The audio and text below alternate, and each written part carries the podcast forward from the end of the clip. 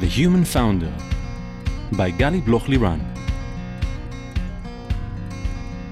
Hi, I'm Gali Bloch Liran, and welcome to The Human Founder, the podcast where we speak about the mental aspects of the entrepreneurial journey. Entrepreneurs often describe the emotional roller coaster that is embedded in being an entrepreneur or investor when you experience the highest of highs, such as when you have a real click and moment of connection with a new client, and the lowest of lows when you come to Israel and try to be recognized as a, as a clinical psychologist and it doesn't happen uh, so smoothly. And it's from that place of uncertainty, the need to constantly self manage ourselves, keep up our energy, and be mentally resilient in order to deal with everything, well, it's not easy. In each episode, I will be talking to entrepreneurs, investors, psychologists, being their sounding board, with the goal of creating a space for this less spoken about layer, which is the mental aspect accompanying the entrepreneurial journey. I will also share tips and tricks to help boost your focus, clarity, and mental resilience. Today, I have the pleasure of speaking with uh, Dr. Lisa Law. Hey, Lisa, it's really great to have you here with me, and thanks for coming. Great to be here. Uh, Lisa, you are a UK trained clinical psychologist with a professional doctorate in clinical psychology from the University of London and specialist training in psychodynamic and syst- uh, systemic family therapies from uh, the Tavistock Clinic. You have 25 years of psychotherapy experience and 17 years of teaching experience with various Israeli and overseas universities. Your teaching interests include the psychology of well being, alternative understandings of psycho- psychopathology, working with diversity in uh, oppression, and coping with failure. You're a mother of four living in Pardes Chana, and you've been in Israel since 2005. And the listeners will recognize where you're coming from really soon. So thanks for coming, and I'm really looking forward uh, to our conversation. Me too. so actually, we know because um, you're teaching at the uh, Reichman University, the students of entrepreneurship, uh, about dealing with failure, coping with failure, and this is what we're going to uh, uh, dive deep in this conversation, as we know that 90% of the startups fail. So there's a huge uh, need to understand how to cope and how to handle this uh, this failure and how to uh, grow from it. So maybe take us a little bit to your journey, and we'll continue from there. Absolutely. It really is uh, quite a demoralizing uh, statistic to think about it that 90% of uh, startups fail in the first five years. And there's all kinds of statistics, statistics like that that.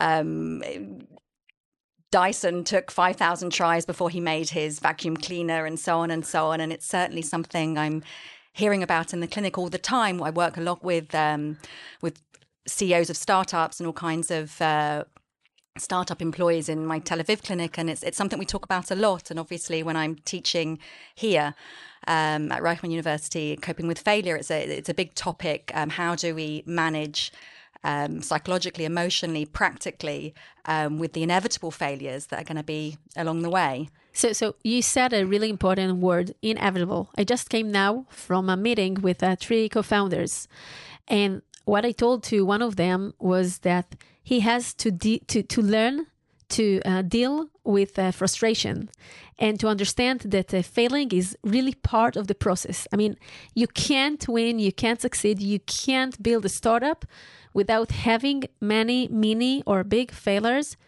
during the during the journey. It's just part of the process.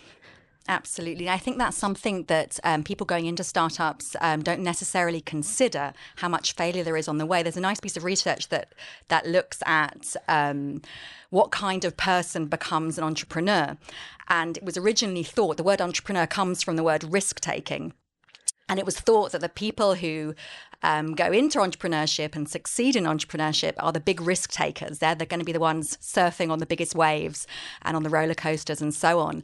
Um, this may or may not be true, but what they found more so than this was that um, entrepreneurs are, um, are, more confident. They have a massive belief in their ability to succeed.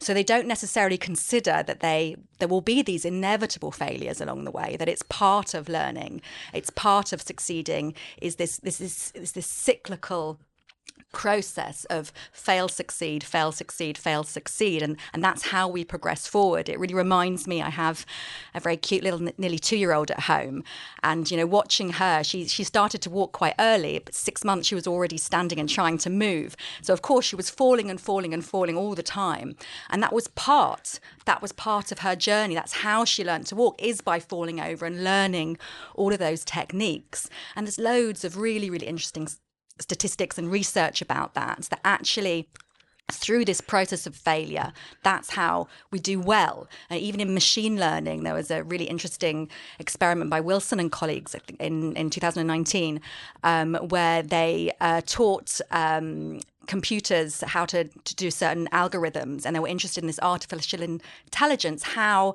what kind of error rate um, is, is, is the optimal error rate. And actually, when the difficulty of the task gave an 85% success rate, a 15% error rate, and they learn the fastest. Actually, through error, they mo- they they they became more intelligent. And we see it in all kinds of fields. We see it in sports, you know, learning from the, the plays that, you know, looking back at the recorded footage, learning from what went wrong, how can you improve it. We see with comedians, um, you know, how they, they bomb and they practice and they learn from the mistakes they made. We, we see it in science that, you know, they're, they're that's, you know, the big, you know, amazing find that happens after something that actually goes wrong. Um, so it's such a such an important part of the process. But if we are totally demoralised by it, and that's certainly something I've seen in the clinic when um, when clients just don't have that um, psychological resilience to bounce back, it feels so painful to them. Um, then then that's going to really impact what some a person's journey, their entrepreneurial journey, because it's not accepted as is absolutely inevitable part of it. So I, I totally agree. So so why is it so difficult uh, for some people, for a lot of people, to actually accept the fact that it's part of the process? What's in them? Uh, what are the barriers? What are the things that stops them from understanding uh, or actually like resisting it? Yeah, in a way, yeah. they want to push it away. They want to ignore it or they want to uh, uh, uh postpone, postpone it or something. They want to put it away instead of confronting it. What's in them that makes it so difficult to look at the failure, to understand what's going on there, and, and to try to cope? Well, it's an interesting dilemma actually, because on the one hand, we want to not be totally conscious of how risky what we're doing is or how likely it is to not succeed, you know, to be one of the 10 10% who succeed in, in entrepreneurship. So part of part of me would say that we want that confidence, we want that optimism, we want to be, you know, if, if you, there's a great example from Tony Robbins, uh, the motivational speaker. He talks about how important it is for racing car drivers to look to where they're steering to. That if you look at the wall you want to avoid, mm-hmm. you steer to the wall. Mm-hmm. So of course it's really important we have that optimism and that confidence. Um, and, and we're, we're, denying things all the time. no one would cross a road, and we certainly wouldn't live in this country if we thought about how much danger there is around us all the time. So we have to sort of repress some of it, um, but we don't want to be going too far with that. So we want to be able to be realistic that failure is part of this um, without being fearful of it all the time. Um, and we want to be able to, um, to, to meet it, to, to be in connection with it when it happens. Um, we can't at that point we can't repress it when we're when we're in it and it's going on. And and, and why don't we? Because um, it's so connected to our self esteem, our self worth, our identity, how we want other people to perceive us. So it feels very, very risky for us to be in contact with potential failure or the failures we're experiencing in that moment it actually it's really true what you're saying. And on the one hand as entrepreneurs we have to be optimistic and to look at a wall as you said uh, in order not to meet it. But on the other side on the other hand it actually confronts us with ourselves. And sometimes it can be really uh, scary yeah. when we actually look at something and then what what lies underneath what does it mean? What does it say? Why did we get into this situation? And then we have to sometimes reveal a few layers and to look a bit deeper. And this is something which is not easy for everyone to do. It has yeah. you have to have a certain level of consciousness Absolutely. and an ability to uh, to to dive deep and to do some kind of uh, introspection Yeah. in order to understand what is going on in there and then later comes the growth Yeah, absolutely. Absolutely. I totally agree. And that's what's so hard. I think the big word there, um, and this is something when I was teaching the workshop at, um, at Reichman, um, something that, you know, some students were really sort of, they were up for it, like, yep, you know, bring it on, let's do this, and really willing to take a massive emotional risk. And others um, were really quite. Um, they were not keen at all and quite resistant and, and found the whole process quite unpleasant. It was a, you know, we had to really work through it together because the big word we're talking about here is vulnerability mm-hmm. and whether we are up for it, whether we're, whether we, we're going to agree to that and we're going to sign up for that. And not just in entrepreneurship, in our entire lives, our mm-hmm. entire existence as humans on this planet, mm-hmm. from birth to death is, is, um, it's- I'm getting quite dramatic about this, but that, I mean, it really is. You know, it's, it's This is life. This is life. How how um, how much do we uh, do we sign up for being vulnerable? And if we're really truly wanting to live life in a, a full and connected and vibrant 3D Technicolor kind of way, we're going to have to be vulnerable because that's the only way to connect to reality, to connect to other people, to be authentic. Um, and to, to really be present. and Brené Brown spoke about it. Exactly where I was going, yeah. a lot, and I, I totally agree with you. I feel I. I feel and I do it myself that this is the only way to really live life and go through it and not go next to it, you know, be part of the experience. Tell me, do you think that uh, we always have in psychology, in psychology, the, the you know, the nature nurture uh, uh, uh, perspective? So some people are born more vulnerable and with the ability to see life and things in a more, uh, you know, uh, real way and to touch the things. And some, you know, they have all the different uh, uh, uh, layers and mechanisms, uh, uh, defense mechanisms in order to, you know, to, to avoid dealing with stuff. And it, they are less vulnerable or at least they less show it. Yeah. So is it a muscle that we can train? Uh, even the cynical people among us.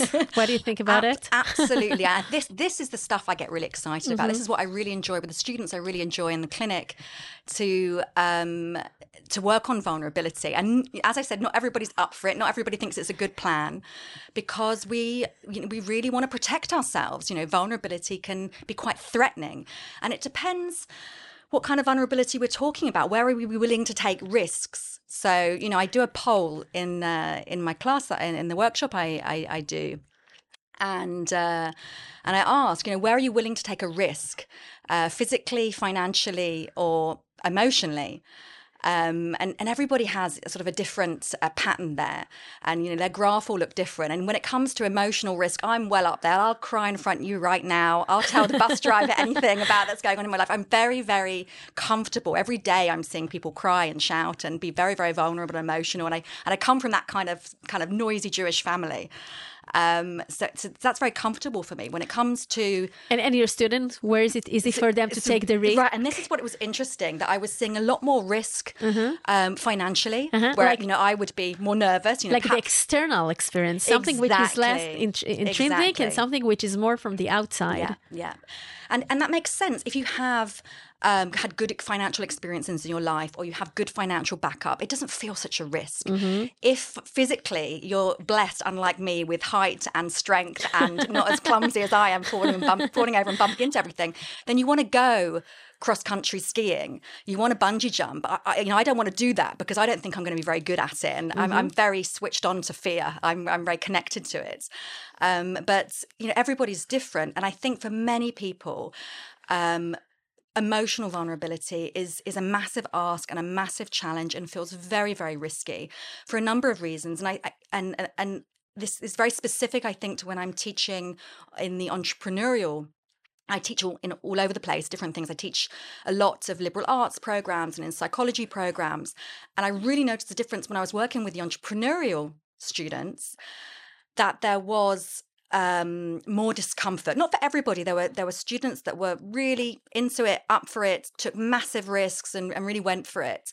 And there were other students that were very very wary and and thinking, you know, is this going to be um, you know, is this dangerous for me emotionally or even practically?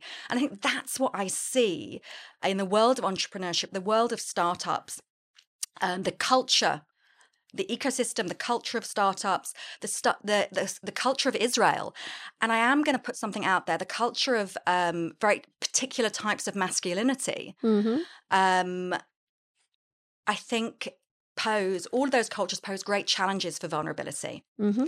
um, and because people and when we talk about nature or nurture i think you know perhaps there is a nature part you know how attuned our threat protection and protection systems are to certain Mhm. things but also how we're brought up um i think that um, just as a real cliche, you often see sort of growing up little girls, you know, talking about their feelings, watching, you know, talking about each other, crying, bonding Mhm. on talking about emotions and relationships and being vulnerable and, and finding that making them closer. When I talk to men in the clinic, not always, but very often they don't have those kinds of experience that they often talk about a third object. So two men, even if they talk about something emotional, it'll be through talking about econ- economics, Mhm. politics, football. And so there's not as much practice in Mhm. being personally vulnerable, talking about your own um, your own inner lives, inner worlds. So, so if I um, wrap up what you just said, and I, I really agree from my experience as well, that first of all, sometimes it's easier for us to take risks in the areas where we feel stronger. Yeah. Like you said, you're more emotionally stronger. Some people are more financially stronger. So it's easier for us to go one step further in the areas that we feel more confident, that we have more experience, etc. And actually, in entrepreneurship, it's all the time. It's out of our comfort zone. So every time we need to be stronger in various areas, various verticals. Yeah. Now, the other thing is that the combination of of the culture, the Israeli culture, the uh, the, the the military culture, the fact that uh, uh, uh, most of the entrepreneurs nowadays, and I hope it will change, but most of the entrepreneurs are, are men and not Yeah. women so far. So all of this and and and, and all of those experiences and all of those uh, culture components together create a situation that uh, it's less easy for us to be vulnerable and to show vulnerability. And I think that nowadays, also with COVID, and I know of many uh, uh, responses and feedbacks that I also get to this uh, podcast, and also entrepreneurs that I coach and work with, that I do feel that there is a, a minor change happening. I think that also COVID really helped Yeah. in this direction Yeah. to help people be a little bit more connected to their emotions Yeah. and to speak up and to show their vulnerability. But it's not, of course, it's not easy. Yeah. And there are Yeah. many, many barriers there. So, how can we? Would I wouldn't say break it because we, we don't want to break it. It also protects us in a way. But Mm-hmm, how can we create more space to be more vulnerable and and to show it and to also understand that it helps uh, unite our people, our employee, our team Yeah. together with us. So, what do you do? Uh, either with your students or with your uh, uh, uh, uh, uh, uh, clients, uh, in order to help them uh, embrace this mindset. Yeah, well, first, firstly, I think you're absolutely right. This is a really interesting period historically um, during this time of COVID um, when we haven't got a choice but to be more aware of the realities. Now, quite often, things, particularly in places like uh, England and, and the States, things are quite really wrapped in plastic. You know, I, I didn't really know what season every fruit was because, you know, it's in plastic and it's always there in the supermarket in England. It's, it's, we, don't really feel connected to the reality of being a human being who has problems and feelings and things go wrong and things are very important to us that may not be important to someone else. And I think during this period of COVID, when you know mums are working, mums and dads are working with their kids at home, um, young people are isolated away from people that they love and feeling very vulnerable and alone or frightened. Um, we haven't had a choice but to be more connected to being a human being. You know, we're on we're on Zooms, and you see you may or may not see my background, or I may be in my pajamas and my slippers underneath the table, or whatever it may be. It's you know a lot more human. People have been a lot more forgiving about about their employees being human and having other responsibilities and other priorities. So something's changing there, and I think something's also changing with um, the culture of younger people, of the millennials and Generation Z. Z. for the Americans. Um, you know, with these two generations, I'm really feeling, and I'm seeing this with students and clients as well, this shift to something that wants to be more aware, more connected, more mindful. Mindfulness and meditation is becoming more and more um, popular um, that we we're wanting to connect in different ways, and we're wanting to enhance our well-being more and more, and be more authentic. And there's a big, big push um, in in big corporations, so for example, American Express, about bring your true self to work. Mm-hmm. I hear from people on the ground, they're still wary, it's not it's not really quite there yet.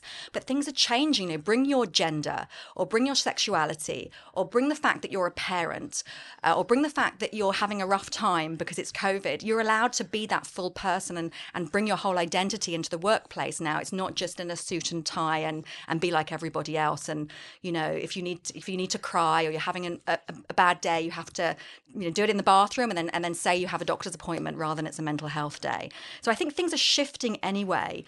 Um, and with that, of course, we can we can aid that shift, and there are all kinds of techniques and ways of thinking that can help us um, create the space for more mindfulness, um, to get more practice at being vulnerable, and watch the beautiful things that come out from being more connected, being more mindful, being more vulnerable. And the beautiful things that come out are feeling authentically, intimately connected to your present moment and the people that are around you. And I think there's nothing, in my opinion, nothing more beautiful and fulfilling and, and important than feeling connected to other human beings. Having to me, it, it's something spiritual to to be able to feel that we're not completely alone.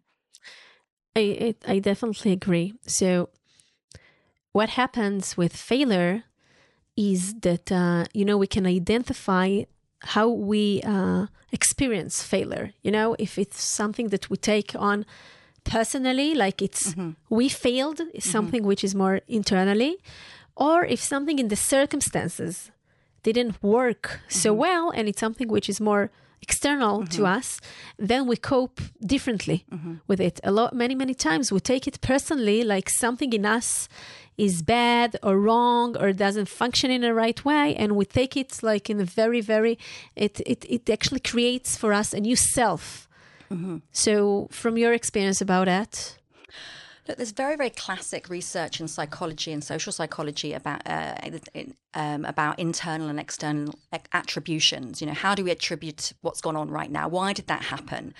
Um, and there's uh, research, classic research, that looks, for example, academic success and failure. Um, which is very similar to entrepreneurial success and failure. And the way that a person attributes or explains what happened, the outcome, um, very much affects how they move forward and how they progress and how they feel. So, do I externally or internally um, attribute this this failure? Um, so, for example, if I if I don't do well in an exam, is it because I didn't study, or I'm not very clever, or is it because this exam was really hard, or the wind was blowing in the wrong direction, or my my teacher has it in for me, or whatever it may be? Um, what's also important is is how uh, how stable this is or mm-hmm. how um, changeable this might be. So what was found is if we think that the reason is that um, we don't do well on something is internal but um, unstable, then we feel hopeful that, okay, it's I'd have the mm-hmm. responsibility. I didn't study hard enough, but it's something temporary. I can study hard next time. I'm able to get it. If I think it's something permanent about internally that I'm I'm just no good at something, or external and permanent, you know, the world's just against me. Um, then you're going to be much more stuck. Mm-hmm. So I think you know that goes a bit more down the CBT route, mm-hmm. um, which I know has been covered on the program already, but going down how can I how can I evaluate this? How can I think about this in a more ho- hopeful, mm-hmm. positive, mm-hmm. productive way? You know, the glass being half full, not half empty, without going into a, a you know completely unrealistic place where you're mm-hmm. narcissistic and irresponsible. Obviously, it's you know really striking that that balance and being and being real and connected about it. Mm-hmm. So I, I, totally agree with you, and, and understanding that I think it's a very uh, great way to see it. If it's a stable thing or uh, uh permanent, mm-hmm. and it helps us, you know, to uh, locate ourselves within the situation, mm-hmm. and, can can we change it, or not and it gives us a sense of control and sense of Mm-hmm. power that it's within our hand and Yeah. our ability uh, to change uh, the the situation Yeah. let's talk a little bit about um, uh, uh, i mean s- stress stress can cause us for a failure Mm-hmm. and stress can also be a result of a failure that later on we're getting into stress from the situation and it's a little bit difficult for us to move on about Yeah. it Yeah. Um, but it's, it's all different ways we can think about stress. And, um, you know, traditionally we think about stress as that's bad, that's no good, that's going to make me feel very physically unwell and emotionally um, overwhelmed and lots of unpleasant feelings. Um, I think what's really important, we talked about we talk about this in in the workshop, that when we relate to stress, when we think about stress, when we notice the physiological consequences of stress. You know my my heart is pounding the, my blood is racing i'm feeling that kind of electricity of unpleasant stress um, that we don't necessarily have to think of it in a negative way. That we that the research the more recent research shows that if we're able to think of our bodies as doing something useful as getting ready for whatever we need to do, as helping us manage whatever we need to do, then actually we release more pleasant chemicals around our bodies. So when we feel stressed, we are releasing things like cortisol and adrenaline. Um, and if we release a lot of that, although it helps us focus and gives us energy, and that's great. If a lion is going to run into this room right now, I want to go into fight or flight. I want to you know, sort of grab this microphone and, and whack the lion or jump out this window. That's useful for me, that kind of energy. It's not useful for me right now when I'm, you know, a little bit um, energized and mobilized from doing this podcast. You know, it's giving me a bit of energy, this adrenaline, this cortisol, but I don't want to give it to me, give so much to me that I, that I can't manage. And so what's really important is we learn these techniques to, to, to calm down the stress that we experience in our bodies. Um, so what kind of uh, techniques for so example there's, there's great techniques. So if we're thinking about it, that our you know our, our autonomic nervous system has gone into action. Our sympathetic system is has become mobilized and energized um, for all these useful things. If a lion was in the room, um, if the lion's not in the room, we have to reverse everything.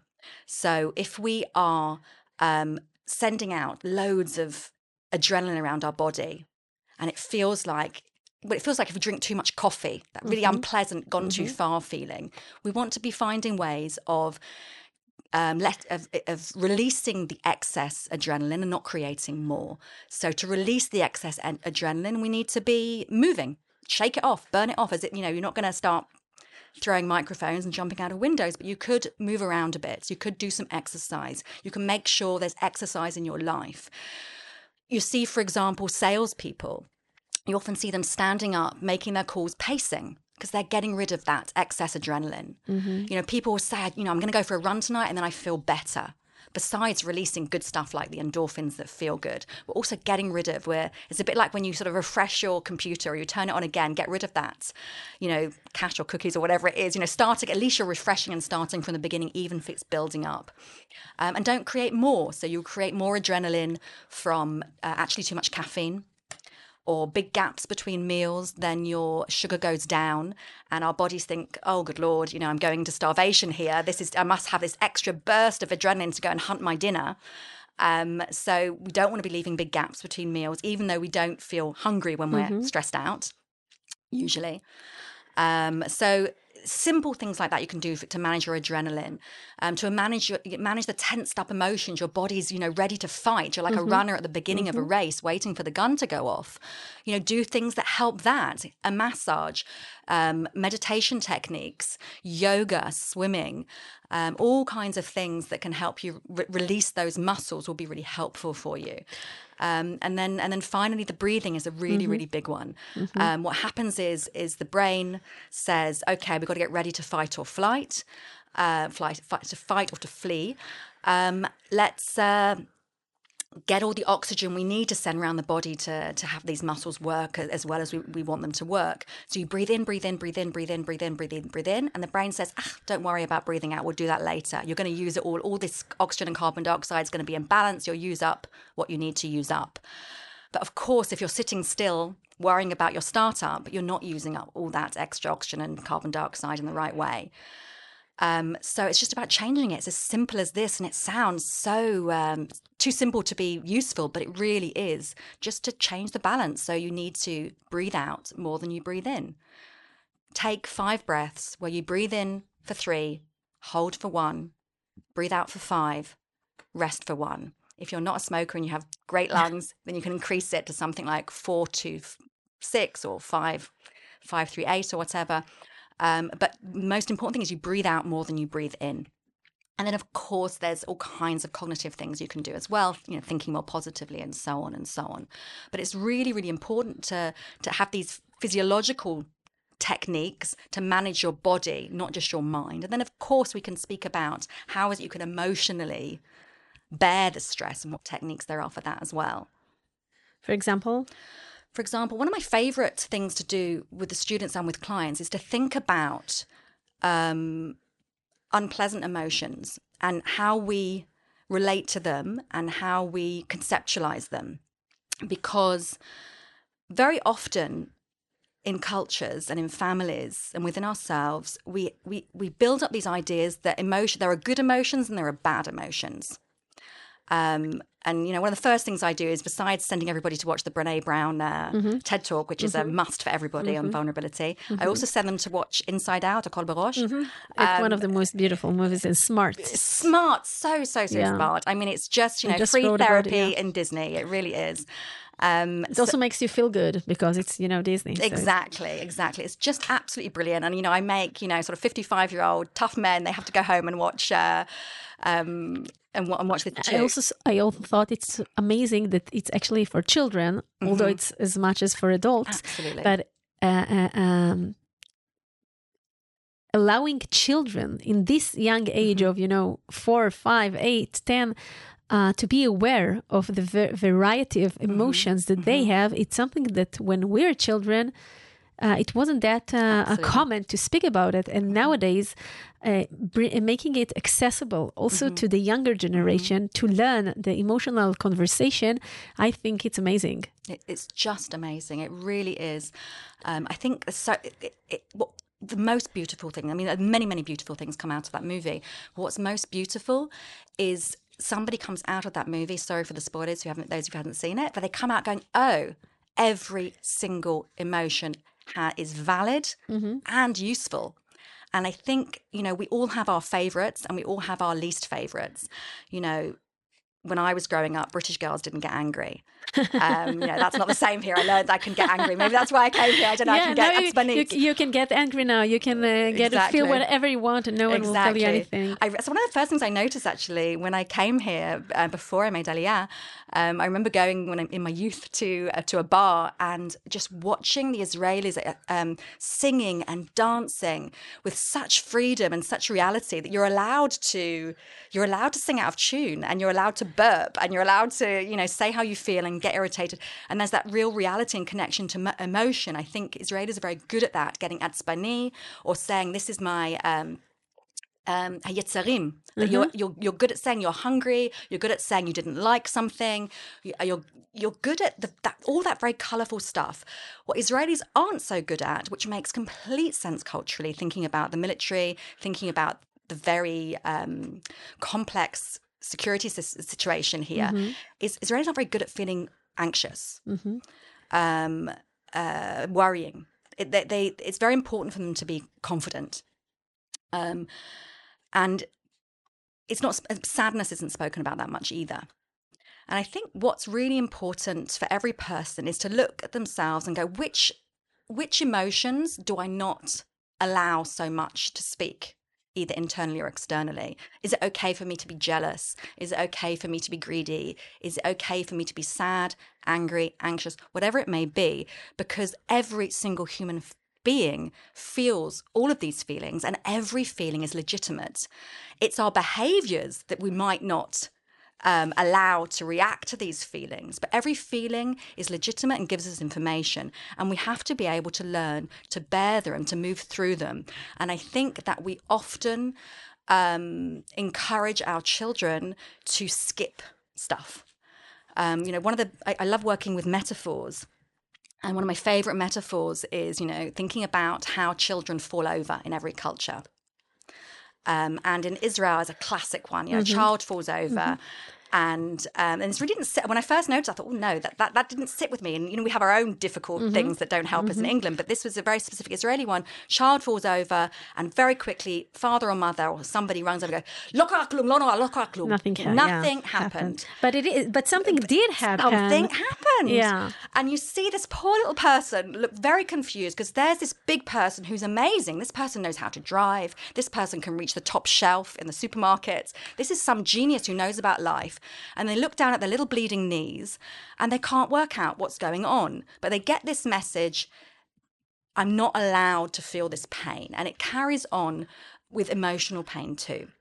And there has to be two stages. There has to be stage A, validation, something happened, and name it this is you know this feeling is here and for this reason i need to validate i need to understand it um, just as a side point, we know that naming it is so important. Mm-hmm. We know there's lots of theories coming out and research coming out, and fMRI scan work coming, uh, research coming out about the, the right and left hemispheres of the brain. Really exciting stuff where we think that that, in the right side of the brain we're having the experience, the ex- experiential. Um, chavaya, the experience mm-hmm, of it, mm-hmm. the feeling of it. And the left side of the brain is the story, is the narrative, is the way of understanding something.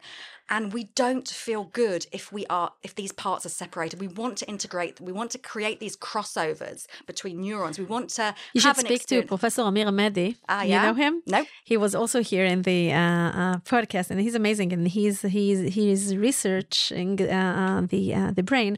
And if you speak to him, so he will tell you that there are much there are many many areas impacting every uh, emotion every mm-hmm. experience mm-hmm. that we have and it's not just it's not just a certain part of the brain and it really validates the the mix of things exactly. that uh, mix of areas that are working but i'm really here with you that first of all we need to validate it and to name it and if the child is falling or if you didn't get a term sheet or if you didn't get the investment yeah it's it's shit you don't feel well it's not mm-hmm. fun mm-hmm. It, mm-hmm. it's really okay to feel bad mm-hmm. about the thing and, and let it be and let you feel whatever you feel.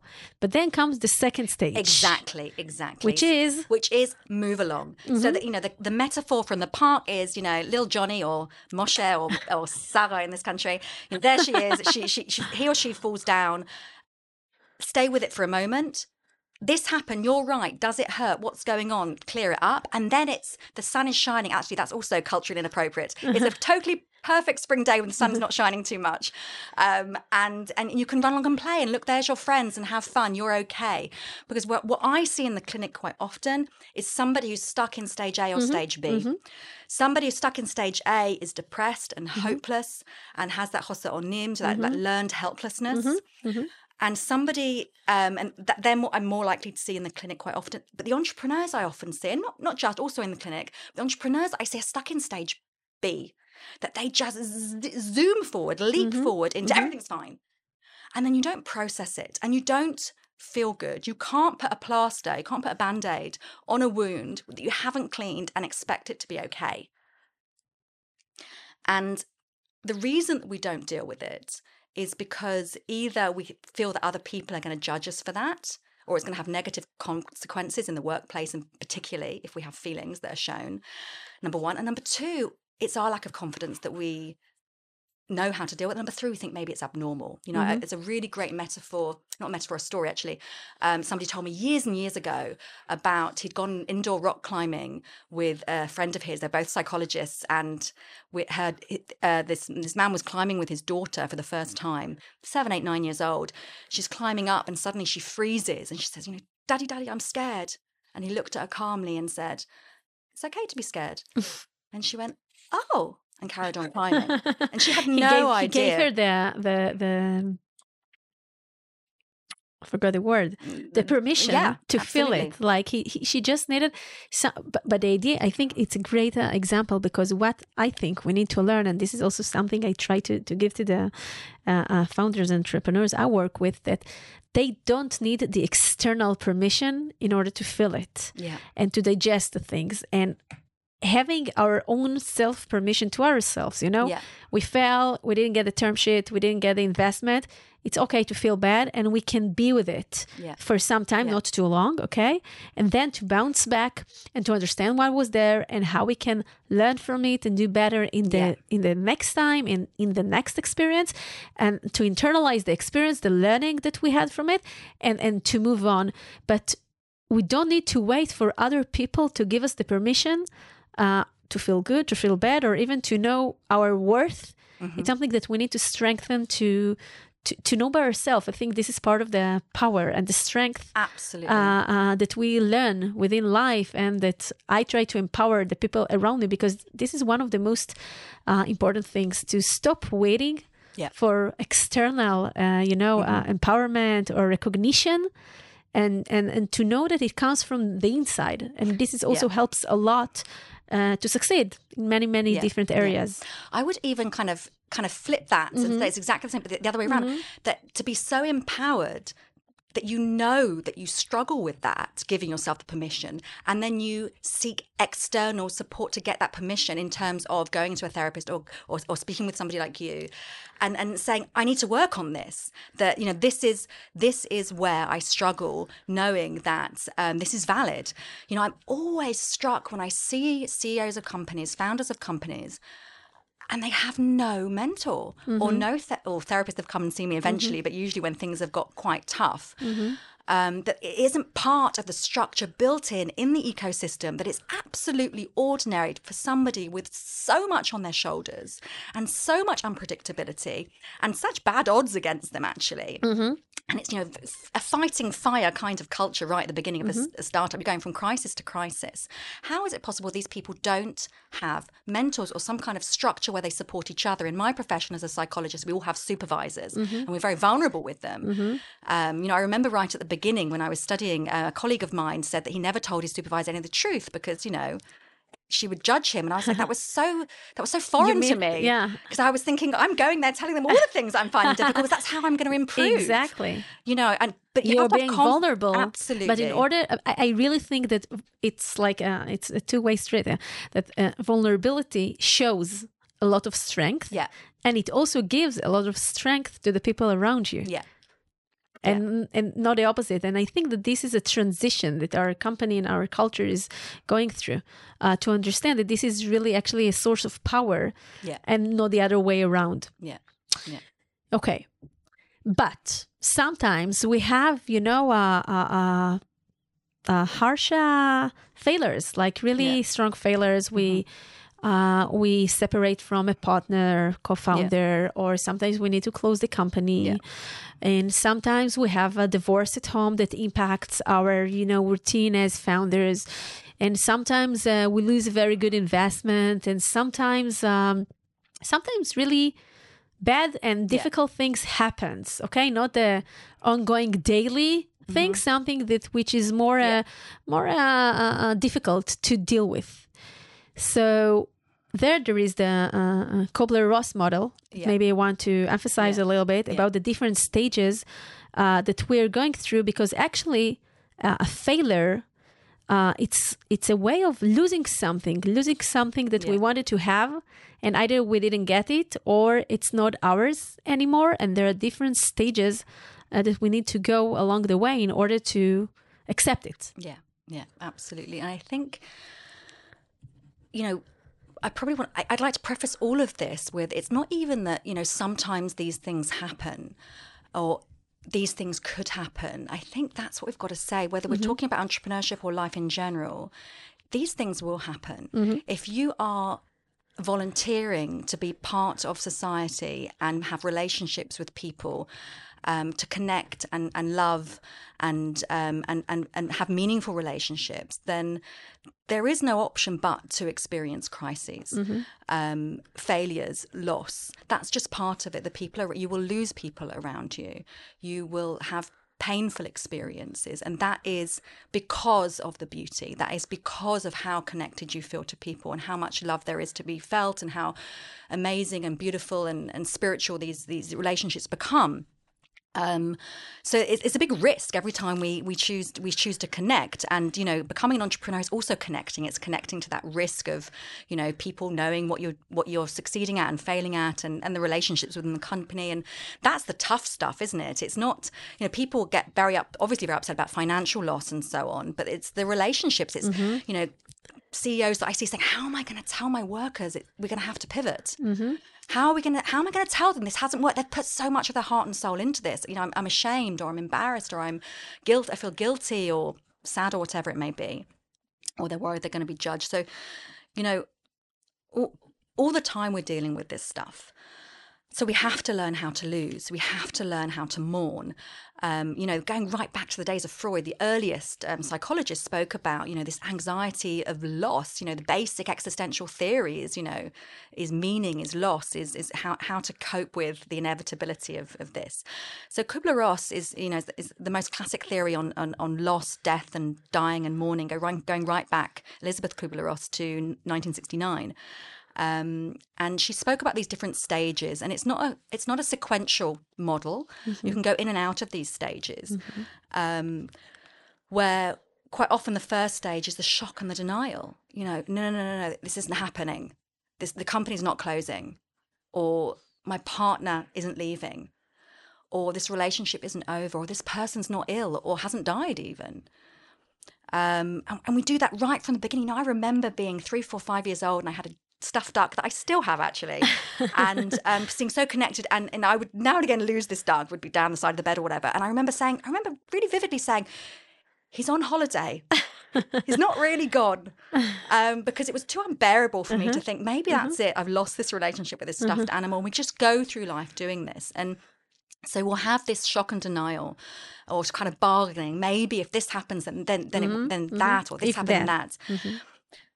And then we have, from my experience with clients, it tends to be you move into the next, it's not a sequential stage, but then there tends to be a period of feelings like strong sadness, strong anxiety, strong anger. And we're in and out of these, you know, how could this be? This isn't fair, or I'm so sad I, I can't I can't move, or this how is it ever going to be okay, and so on and so on. And only after a lot of in and out of that are you going to get to the place of of acceptance and not even all the time. Sometimes we still go into denial and all the other feelings and so on but more more often than not then we have this we get into a place of yeah this happened and there's an okayness about it. Not that it's okay that it happens not that i'm you know of course i mind it happened i prefer it didn't happen but i'm okay with it. And and that brings me to a um a very complementary model that i really like to work with um, AEDP, which is accelerated experiential psycho- psychodynamic oh uh, dynamic psychotherapy it's not, it doesn't roll off the tongue that one um, but there's a really nice um, idea that Diana Fosha, Fosha talks about um, this idea of, of, of, emotions, having to bear emotions like they're on a roller coaster. Actually, I often use the normal curve, but we could use the idea of a roller coaster. That your your your feeling is going to come, and you're going to go, huh? and then it's going to start to, re- to, to, to rise and get really strong. But what's so interesting about every feeling, whether, whether it's joy, whether it's anxiety, whether it's anger, whatever it may be, it reaches a plateau. You, you never explode. You don't, you don't carry on forever like in, into outer space. If, if I told you right now, um, oh my goodness, Gally, you've just won a million shekels on the lottery you know, you're gonna, there you go. Your, your, your, your, your excitement, your joy, your pleasure is going to rise and rise and rise and rise, but not forever. Eventually, it gets to a place it, it can't get any higher and it plateaus and you carry on. And then later, you have to do the washing up or brush your teeth or go to sleep or, you know, life carries on and it goes down. It, it starts to dissipate. And it's the same if I suddenly said, I'm so sorry, I made a massive error. You didn't win the lottery. You actually owe Mas Akhnasa a million shekels. You have a whole load of other feelings, but mm-hmm. also it's the same thing happens. We just notice it a lot more when it's a negative feeling. That it's this this this normal curve of emotion. And, and what is so difficult for people, and this relates to the whole stage A to stage B falling over thing, is that people want to skip it. They here comes, you can't see my hands, but the, it's rising and we push it down. We're not prepared to say, I'm going to let it reach its peak, or I'm going to let it plateau, or I'm going to wait for it to dissipate. And why not? Because we don't believe it's going to dissipate. We think it's going to get go higher and higher and higher forever. I'm just never going to feel okay, or I'm going to stay up there forever. It will never be okay. I have to force it down. And actually, the best work that I've seen with people is when they they learn to believe that it's ordinary to mm-hmm. have these feelings, and they're mm-hmm. willing to sit them out, to sit through them. And that may not be alone. You know, the, the best, you know, Diana Fosha talks about undoing aloneness. But mm-hmm. actually, we might do that with our friend, our loved one, our therapist, our mentor, our coach, our partner. We name who might metaphorically or physically even hold our hands, but say, yeah, we're going to have to mourn this. We're going to, you know, whether whether it's the the royal we and I'm talking about myself, or whether we're talking about literally with someone else, we, we've got to sit through it and we've got to believe that we'll come out the other side of this, and we have to, and it's good for us. I'm listening to you, and there's this, you know, voice in my head speaking about uh, inside out and everything.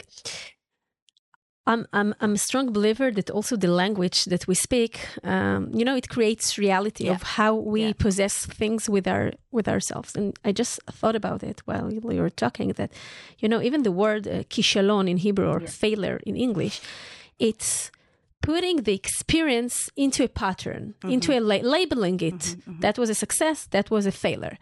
And I think that if we look at that, and I don't think it's like sugarcoating things, I think that maybe this is a more uh, uh, uh, advanced way to look at that. I think uh, it's like a spectrum of experiences, Yeah. right? Everything that we approach in life, whether it is a test, an investment, dating with our co-founder, finding a spouse, giving birth. I don't know. Every every experience that we have in life, it's on the spectrum Yeah, it can be somehow somewhat success it can be more success it would be could be a little bit less of success but it's not like zero or one there are many many stages in the way and i think that also if we look at it as um, the experience itself uh, even because even Uh, on the one hand, I'm I'm I'm thinking maybe someone that listened to it will be, why you don't want to call it a failure? It's okay to call things a failure because mm-hmm. sometimes you fail.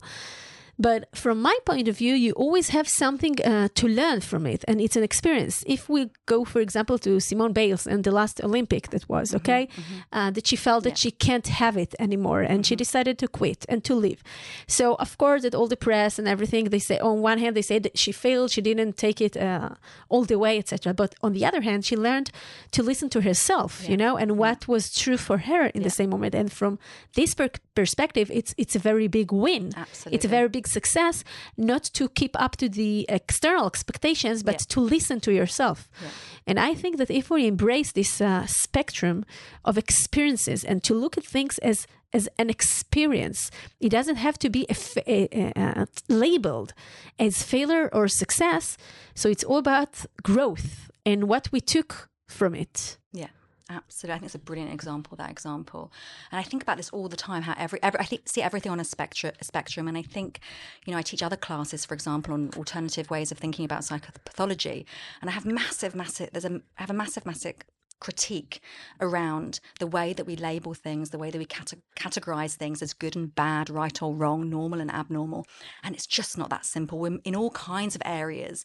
We're moving towards thinking about experience life on a spectrum that we're all on the spec every spectrum and we're more here and we're more there and sometimes in all kinds of places it's you know it's a mixed bag you know i so the often matrix, it's yeah, few levels in the same time. absolutely. It's really, really complicated. And part of life is saying it's a bit of this and it's a bit of that and it's a bit of the other. in less judgmental way and more Yes. with uh, compassion Oh, to how things are really are actually. Yeah. Yeah, there's great research around compassion and entrepreneurship. Uh, you know, I, it's something I, I, I do on the in the in the workshop. We we, we do um, some some I mindfulness. have to go to this uh, workshop. You-. You're you- very invited. Just down the road, just there, just here. Um, starting in a few weeks.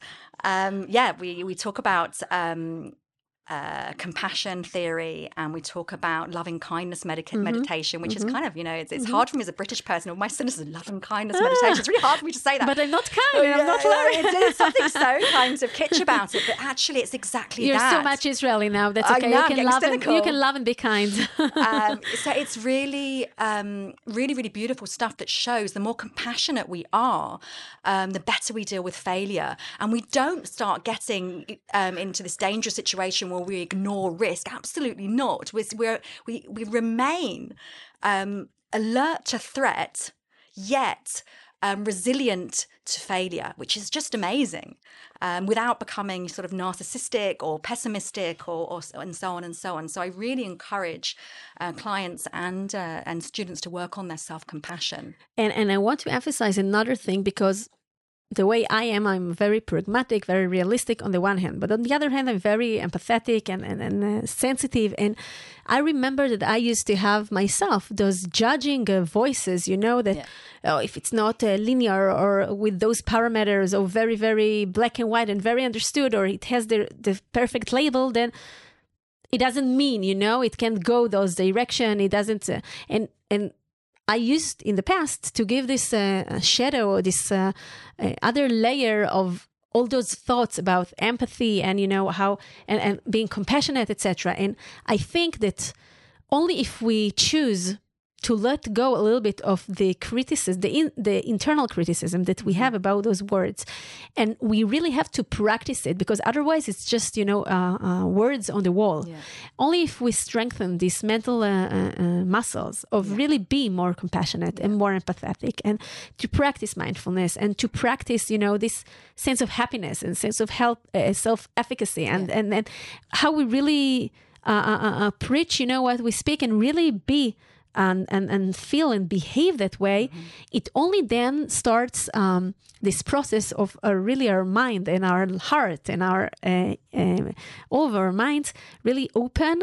And we, I hope that it's clear enough the way that I explain it. And only then I'm trying to describe the process that I'm having, and Right. and only then it's like we internalize this feeling of how it really feels when you're more compassionate and more empathetic and sometimes w- in the past we used to have a feeling that it's you're uh, uh, less strong if you're Yeah. like that Yeah. and Yeah. it's not true I, I i see it today how much power it gives you just in much smarter way um, a better way that people can connect to it and Mm-hmm. it doesn't make you uh, uh, less strong on the opposite on the contrary it's very, very interesting, isn't it? Because we often feel that if we show our vulnerabilities, we come off as weak.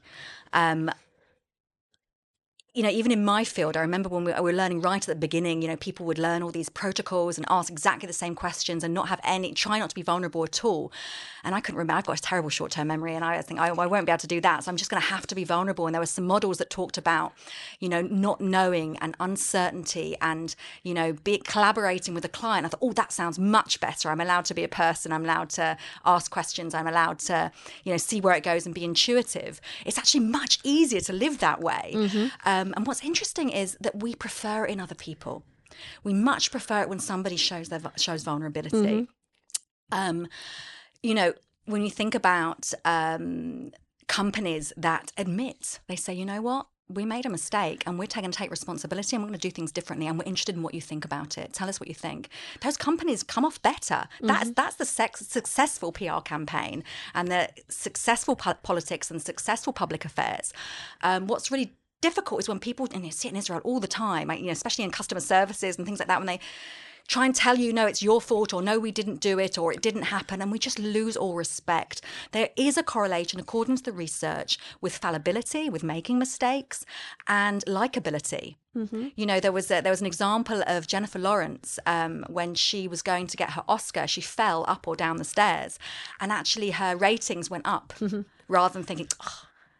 Um, we we feel we feel that person's humanity and we relate to them hmm Exactly, because at the end we're all human beings, and and and we want to uh, feel connected to something which is more similar uh, to us. But you know, not everyone are like that, and not everyone are. Uh, uh, shaped, designed, have the same chromosomes. You know, uh, people are different, and and Yeah. I see a variety though there are many uh, founders and entrepreneurs nowadays that are more uh, open uh, uh, to this kind of conversation, I also see founders uh, that it's much more difficult for them to embrace their this mindset that they are very Yeah. very task oriented and they are very uh, they see it as, as strong and they want things to happen exactly their way and no other way. And things are very strict and black and white. Yeah. and I also think that there's a parameter of you know the the personality, how Yeah. you come into this, how you get into this equation, and not everyone are the same. So, for example, when you have when you see like very tough, uh, and again, it's not necessarily it's not that they are necessarily tough. It's just what they Yeah. show to the outside, okay? And it's important to know it. So when you see people or or founders that are more, uh, you know, strict and looked strong and less open to this kind of conversation that we see now, so how do you find your way uh, to make an impact there? And I also say that it's what it's not always possible. Also, Which you know, as you're saying that, I'm feeling my energy get Uh-huh. stronger and stronger, and I kind of feel this kind of real kind of knee jerk reaction to speak speak in a tough way back. And if Uh-huh. anybody's a founder out there and listening, I, I, this is what I'm going to say: whether you like it or not, Mm-hmm. the world is changing, and I'm speaking to your employees, and they are leaving, and I'm seeing when I go in the in the train station, I am seeing you are advertising your companies, you are struggling to find employees, and they are having more power to Mm-hmm. find the jobs they want in startups, and they will not choose your company. Uh-huh. And I'm hearing them talk about the boss that is too harsh and that won't listen and that has temper tantrums and that bosses them around and that doesn't listen to their ideas. Um, and, you know, these are the clients of mine that are just looking for new work and looking to work in places where they feel valued as a human being, where their opinions are valued, where their mental health is valued and their well-being is valued. And this is where everything's moving towards. Certainly in the US and in the UK, you really hear, and, and, and here too, actually, um, you know, there's, there's sometimes I hear about companies that really take care of their of, uh, of, of their employees. You know, I work for a couple of um, companies that um, give uh, give sessions to give six sessions to to their employees. Companies like Apple and Google and Facebook and so on, where they they give them free therapy and they say We've, we we we're concerned about your mental health and your well being. By the way, what do you think about it? That uh, there was a strong conversation lately uh, in the social media.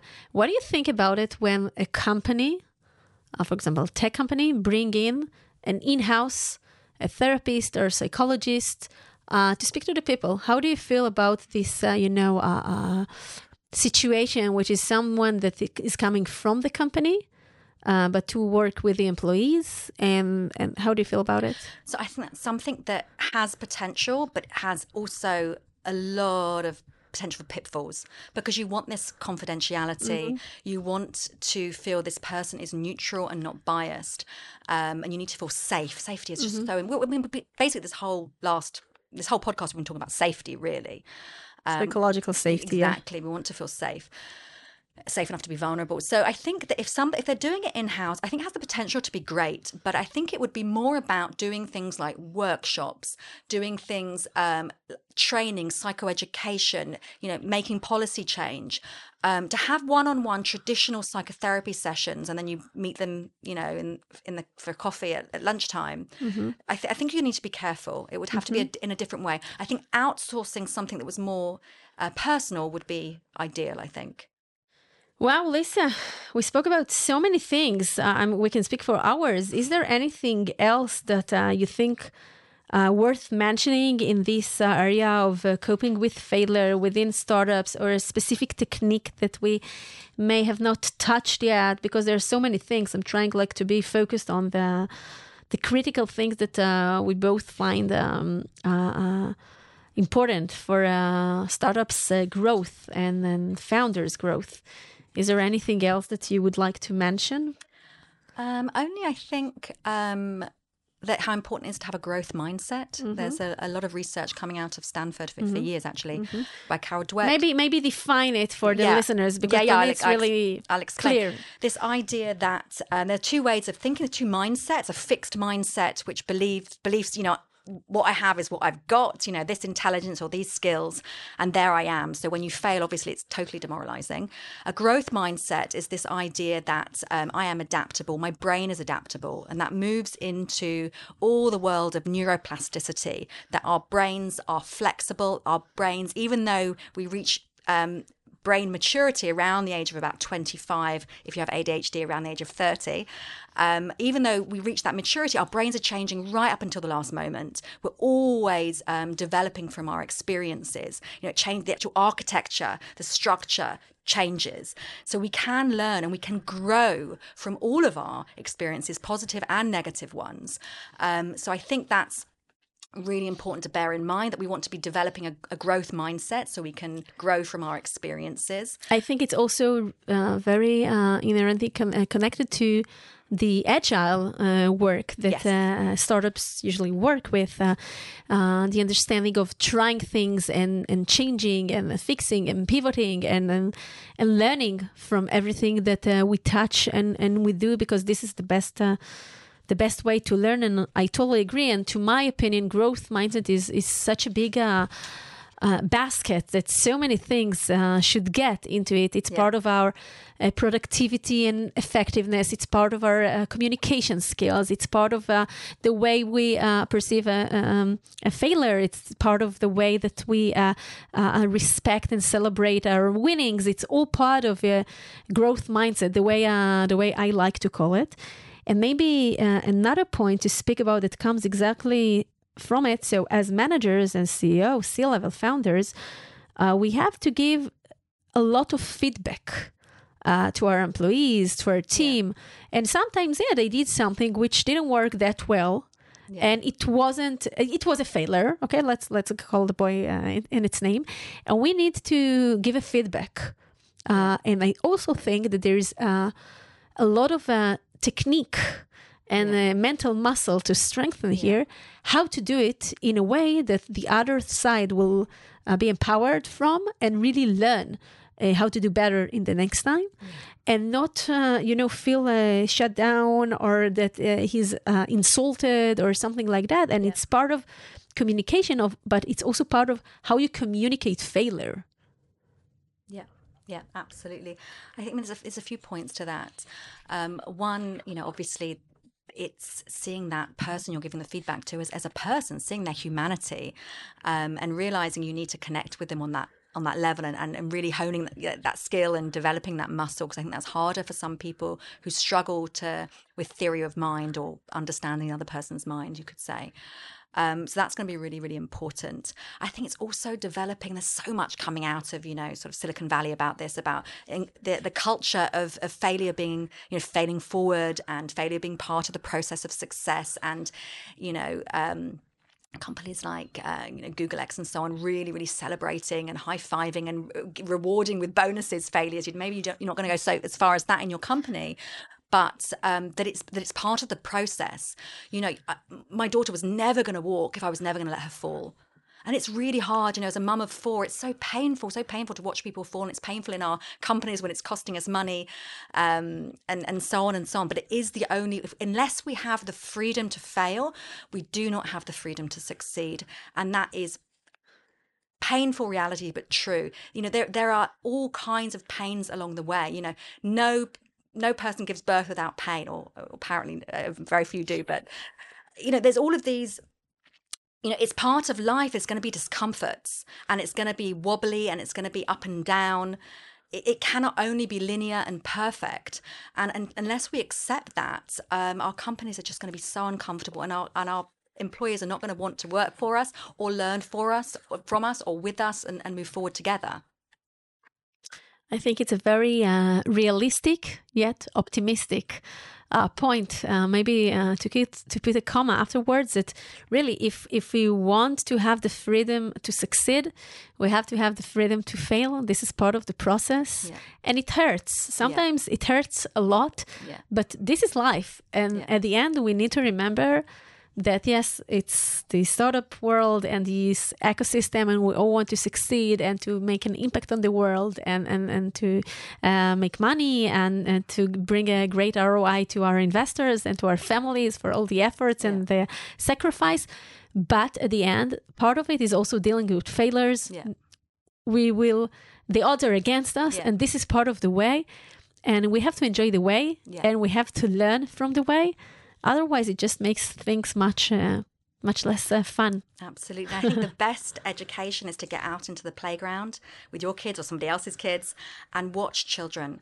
Watch them do living as little scientists, trying to understand the social world and the physical world, and they just learn through trial and error and they are so creative and they're just testing things out all the time and they're happy with you know that you know when they learn to do stuff they've got so much more patience than we have and they're so much more playful and creative than we are that is how they learn because and that is how they develop and grow because they everybody allows them and they allow themselves to get it wrong Lisa, thank you so so much. It was uh, first of all your energy is like super. Uh, super califragilistic. It's like super. Uh, I, I really like that. and and talking about uh, heavy heavy things like failure and you know psychological aspects.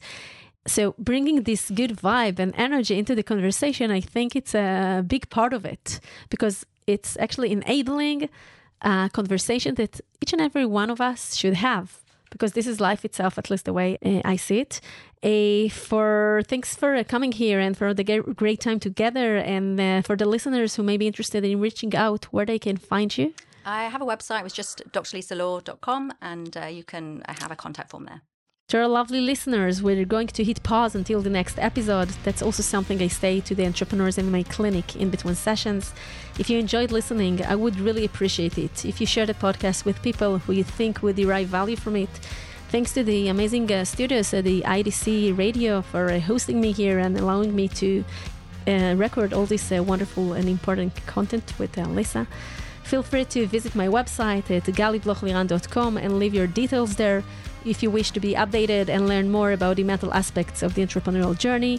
Also, be sure to follow my podcast, The Human Founder, in any of your podcast apps. Let's hit pause. Till next time.